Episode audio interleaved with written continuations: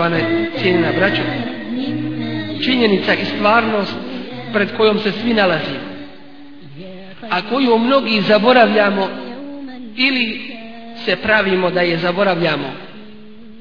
Ono što nijednu dušu ne može zaobići i ono što svako mora okušati i okusiti njegovu gorčinu. Ono čega se čovjek prisjeti ne može osjetiti užitak niti uživanje na ovome svijetu. To je ono za što uzvišeni kaže sta'idu billah kullu nefsin da'iqatul maut. Svaka duša osjetit će smrt. Ono na što nas upozorava uzvišeni Allah i kaže i bojte se dana kada ćete njemu vraćeni biti. Zatim će svakome biti isplaćeno ono što je uradio i nikom zulom učinjen neće biti. Prisjeti se toga teškoga dana za koga ima Mutekija mali kibni Dinar. Kaže kada bi ljudi bili svjesni onoga što je pred njima nikada ne bi osjetili slasti i uživanja na ovome svijetu. I zato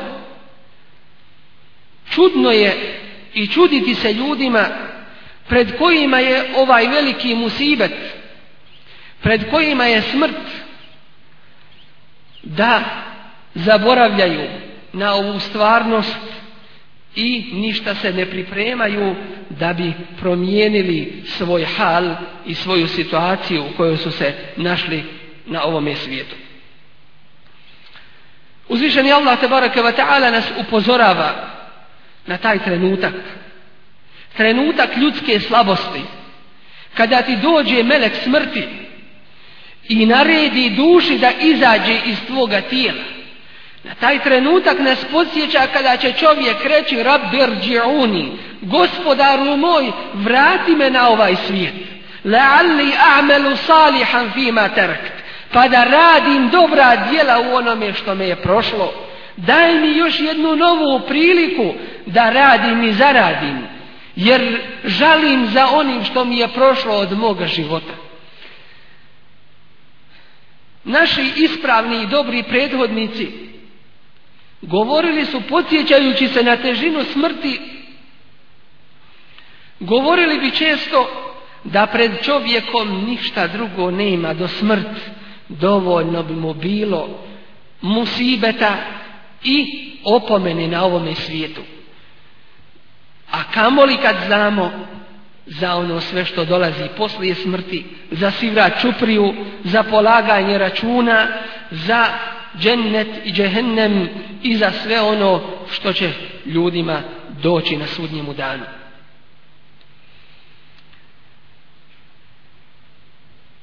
Smrt je činjenica u koju niko ne sumnja. Ali to je kako se kaže najveća činjenica i stvarnost u koju ljudi najmanje vjeruju.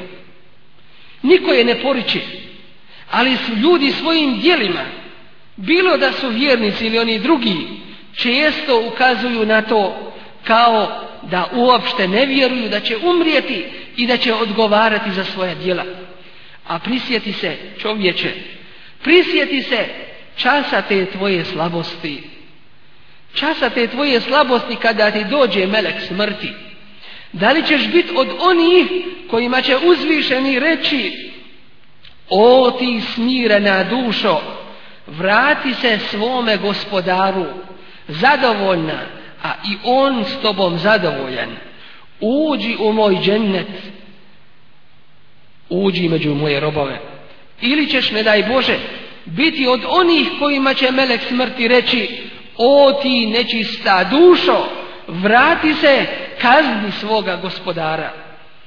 U tome času, kada se porodica razleti oko tebe i kada potraže ljekara, u tome času kada se sastave noge jedna uz drugu i kada ti budeš ubjeđen da bježanja od smrti nema, u tome času sjeti se te svoje slabosti i pripremi se za taj trenutak teški,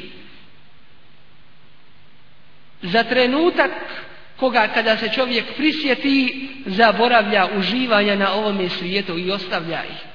Prisjetit se toga časa kada te među tvojom porodicom budu oplakivali i zato jedan arapski pjesnik u stihovima kaže rodila te je majka sine Ademov plaćući, ti si plakao a ljudi oko tebe radosni i veseli radi za dan kada će ljudi oko tebe plakati da ti tada budeš sretan i radostan.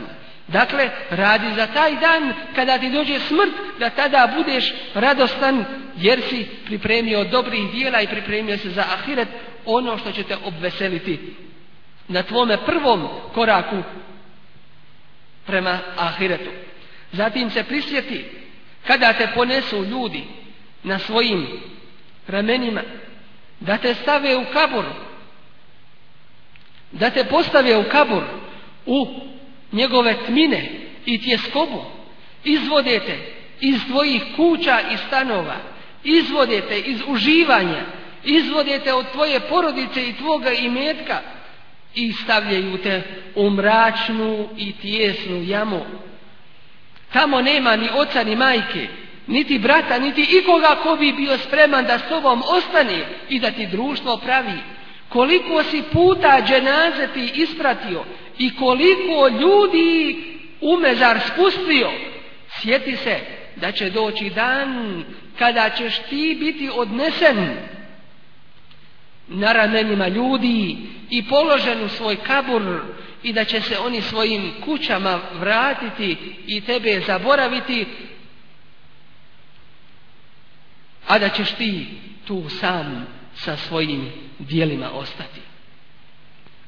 Kabur je prva stanica od stanica prema Ahiretu. U kaburu će biti ili džennetska bašća ili džehennemska provalija, jer se stanovnicima kaburova otvaraju vrata onima koji su zaslužili dobro prema džennetu, pa vide ta uživanja i proširi im se i osvijetli u džennetu i osvijetli u kaboru tako da poželi da kijametski dan što prije nastupi dok onima drugima otvori se otvore se vrata u džehennem pa gledaju svoje mjesto i dolazi im od vatre i dima ono što ih azab čini još u kaboru prije ahireta jer svojim dijelima zaboravili su na ahiret. Prisjeti se toga časa i Resulullah sallallahu ve sellem upozoravao je najbolju generaciju ljudi, svoje ashave i govorio im da znate ono što ja znam. Malo biste se smijali, a puno biste plakali i izašli biste u grupama u poljane plaćući i vrišući i posipali biste se po glavama prašinom. Da znate ono što ja znam. To jeste da znate ono što vas čeka i ono što je pred čovjekom na sudnjemu danu. A čovjek ne zna farikum fil dženneti wa farikum fil sa'ir skupina u džennet a skupina u džehennem od koje će on skupine biti i zato na tebi je da se pripremaš da se pripremaš svojim dobrim dijelima za ahire požurivanjem sa teobom iskrenim okretanjem i obraćanjem Allahu te bareke ve taala svojim preispitivanjem dijela koja si učinio na ovom svijetu vraćanjem ljudskih hakova i dugova koji su biti u obavezi kao i izvršavanjem Allahovi subhanahu wa ta'ala obaveza tako da čist pred Allaha subhanahu wa ta'ala izađeš jer niko grijehe i neće. Molim Allah subhanahu wa ta'ala da nas zaštiti musibeta smrti, musibeta kaburskog i svega onoga što poslije toga dolazi. I prisjeti se toga trenutka trenutka proživljenja iz grobova, iz mjesta koja se zovu mezari. Ali najmanje se ona posjećuju i najmanje ih se ljudi prisjećaju. Prisjeti se toga trenutka kada će se začuti strašni zvuk i svi iz svojih grobova izlaze kao da su skakavci raspršeni na zemlju mahšara svi okupljeni i prvi i posljednji sa svojim i dobrim i lošim dijelima srce im od straha dolazi do grkljanja ali noge podrhtavaju nemaju glasa od velikog straha i strave koja ih očekuje jer pred njima je džehennem pred njima je prije toga strašni sud očekuju da im se presudi. Prisjeti se toga teškog časa kad staneš pred Allaha te bareke ve taala i kada te upita moj robe zašto si to i to radio? Zar se mene nisi stidio i bojao? Zar se mene nisi ustručavao, a znaš da sam te ja neprestano pratio i gledao? Zar se mene nisi bojao? Sjećaš li se toga i toga griha kada si ga uradio toga i toga dana? A ti sa svojim dijelima. Prisjeti se toga teškog časa kada ti ni tvoji najbliži ne mogu upomoć priteći, niti ti jedno dobro djelo dati. Prisjetiš se te teškoće i tegobe i šta će ti biti presuđeno a onda davat će se knjige ljudima njihovih dijela, nekima u desnu, a nekima u lijevu ruku ili za leđa i blagoli se onima kojima njihova dijela budu data u desnu ruku i bude im rečeno čitaj svoju knjigu, dovoljno ti je da danas sam sebi presudiš. To jeste ta djela na osnovu njih ti ćeš biti ili nagrađen ili kažnjen. Prisjeti se prolaska i prelaska preko sira čuprije i prolaska kroz džehennemsku vatru. Uzvišeni Allah ti je sigurno rekao da kroz nju da u nju ulaziš i kroz nju prolaziš preko sira čuprije.